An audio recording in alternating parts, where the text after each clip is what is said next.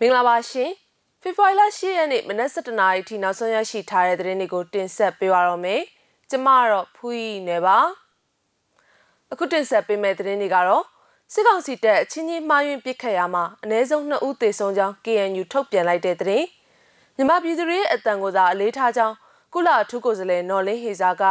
NUG နိုင်ငံသားရေးဝန်ကြီးနဲ့ဆွေးနွေးမှုမှာပြောကြားခဲ့တဲ့သတင်း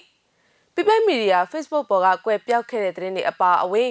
စံချီတမြင်အောင်နောက်မဆုံးတဲ့စက်တိုင်းဆိုတဲ့မန္တလေးကစုပေါင်းဆန္ဒပြစစ်ကြောင်းရုပ်တံကိုလည်းတင်ဆက်ပေးဖို့ရှိပါတယ်။စစ်ကောင်စီတပ်အချင်းချင်းမှားယွင်းပစ်ခတ်ရမှာအ ਨੇ ဆုံး2ဦးသေဆုံးကြောင်း KNU ကထုတ်ပြန်လိုက်ပါတယ်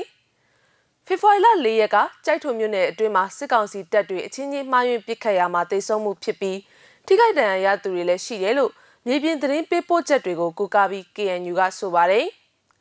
ဖေဖော်ဝါရီလ၄ရက်မှာပဲခူးဘက်ကနေတထုံဘက်ကိုဦးတီမောင်းနေလာတဲ့စစ်ကောင်စီရင်နှန်းကိုကီအမျိုးသားလူမျိုးရေးတပ်မတော် KNL တရင်သုံးတဲ့ပူးပေါင်းတပ်ဖွဲ့တွေကကြားဖြတ်တိုက်ခိုက်ခဲ့ပါတယ်။အဲဒီလိုတိုက်ခိုက်ရမှာကားနစီထိမှန်ပြီးထိခိုက်ကြဆုံးမှုများတာကြောင့်နောက်ကျောင်းပြန်လှည့်ရမှာနောက်တန်းမှာရှိနေတဲ့စစ်ကောင်စီတပ်ဖွဲ့တွေနဲ့အချင်းချင်းမှားယွင်းပစ်ခတ်မှုဖြစ်ပွားခဲ့တာလို့ KNU ကထုတ်ပြန်ခဲ့တာပါ။ပြစ်ခတ်မှုမှာကရင်မျိုးသားလူမျိုးရေးတပ်မတော် KNL တရင်သုံးတဲ့ပူးပေါင်းတပ်ဖွဲ့တွေထိခိုက်မှုမရှိဘူးလို့လည်းဆိုပါတယ်။ ဖေဖော်ဝါရီလ၄ရက်ည10:00နာရီဝန်းကျင်လောက်မှာလေအာနာသိစစ်ကောင်စီတင်စီရဲ့အမြောက်တပ်ကနေလက်နက်ကြီး120မမတွေနဲ့ရန်တမ်းပစ်ခတ်ရမှာတဲပြူချောင်ကျေးရွာအနီးမှာနှလုံးနဲ့တစည်းပြောင်းကျေးရွာအနီးမှာနှလုံးကြောက်ပောက်ကွဲခဲ့တယ်လို့လည်း KNU ကထုတ်ပြန်ပါတယ်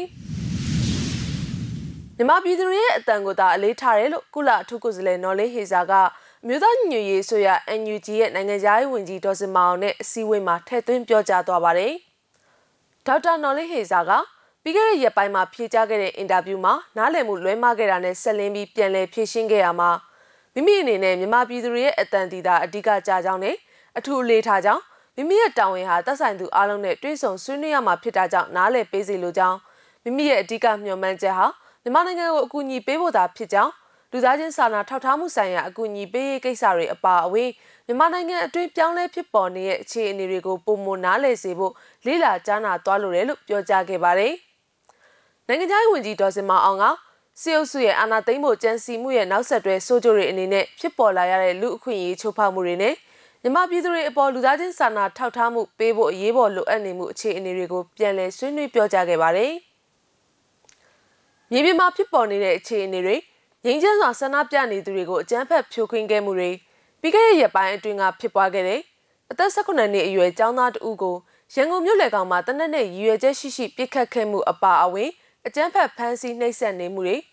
ကြေးရွာတွေကိုလူမဆန်စွာမီးရှို့ဖျက်ဆီးနေမှုတွေအပါအဝင်လေကြောင်းတိုက်ခိုက်မှုတွေကိုလည်း NUG ဝန်ကြီးကပြောကြားခဲ့ပါတယ်။အဲဒီလိုစစ်အုပ်စုရဲ့အာဏာသိမ်းအကြမ်းဖက်မှုတွေကို Federal အင်အားစုတွေဒီမိုကရေစီအင်အားစုတွေနဲ့ပြည်သူလူထုကစန့်ကျင်တော်လှန်နေတဲ့အခြေအနေတွေအပြင် NUG ရဲ့ပေါင်းဆက်ဆောင်ရွက်ချက်တွေကို NUG နိုင်ငံသားရေးဝန်ကြီးကပြောကြားခဲ့ပါတယ်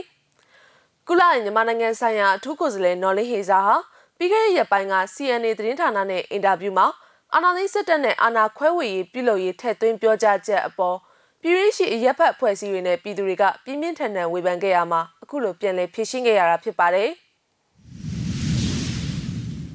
အာဏာသိမ်းစစ်တပ်လိုလားတဲ့မီဒီယာတစ်ခုဖြစ်တဲ့ People Media ဟာ Facebook လူမှုကွန်ရက်ကနေဖေဖော်ဝါရီလ9ရက်နေ့မနက်ပိုင်းကစပြီးကွယ်ပြောက်သွားပါတယ်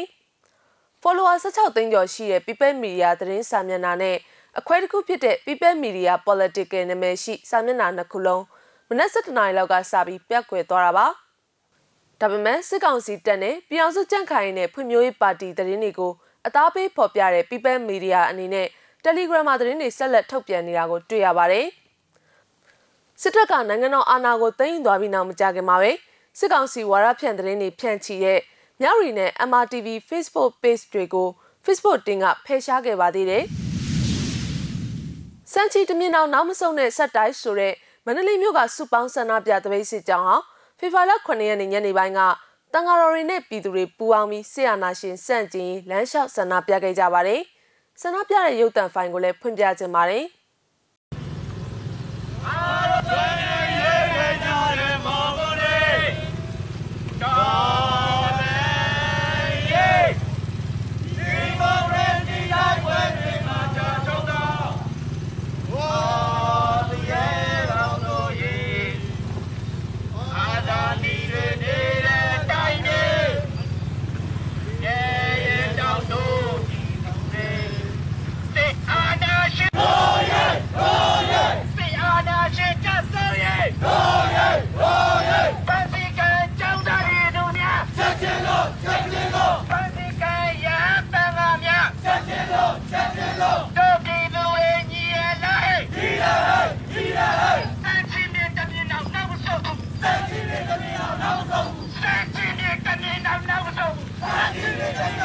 တော်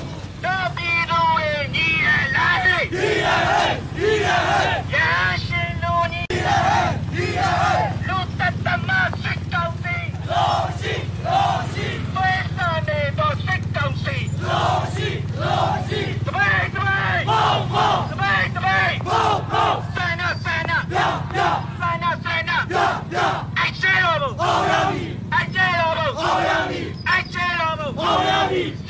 သူရဲ့ညီရလားဟဲ့ညီရဟဲ့ညီရဟဲ့ရရှင်လူညီရဟဲ့ညီရဟဲ့လူတတမစစ်ကောင်းစီလောရှိလောရှိဘယ်စာနေတော့စစ်ကောင်းစီလောရှိလောရှိတပိတ်တပိတ်ဘောင်းဘောင်းတပိတ်တပိတ်ဘောင်းဘောင်းဆန္ဒဆန္ဒပြပြဆန္ဒဆန္ဒပြပြအိုက်ချေရောဘူးဟောရပြီအိုက်ချေရောဘူးဟောရပြီအိုက်ချေရောဘူးဟောရပြီစိတ်အာနာရှိကြဆောင်ရေးစေအာနာရှင်တဆောင်းရေးတော်ရေးတော်ရေးကောင်းစီခံချောင်းတော်ဒီချက်ချင်းလို့ရရှင်လူညီရလာဟဲ့ညီရ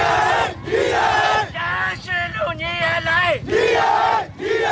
စက်ချင်တမင်တောင်နောက်မဆုတ်ဘူးစက်ချင်တမင်တောင်နောက်မဆုတ်ဘူးစက်ချင်တမင်တောင်နောက်မဆုတ်ဘူးစက်ချင်တမင်တောင်နောက်မဆုတ်ဘူးကဘာမချေဘူးဘာမချေဘူးဘာမချေဘူးဘာမချေဘူးဘာမချေဘူးဘာမချေဘူးရရှင်လူညီ ညီရညီရဝေစာနေတော့စစ်ကောင်းစီလောရှိလောရှိလူတတမ စစ်ကောင်းစီလောရှိလောရှိတပည့်တပည့်မောမောတပည့်တပည့်မောမောဆန္ဒဆန္ဒပြပြဆန္ဒဆန္ဒပြပြမောစောချေအောင်စုမကြောက်ဘူးမောစောချေအောင်စုမကြောက်ဘူးစေခဏအောင်စုမကြောက်ဘူးစေခဏအောင်စုမကြောက်ဘူးအရှဲတော့ဟောရပြီအရှဲတော့ဟောရပြီအရှဲတော့ဟောရပြီ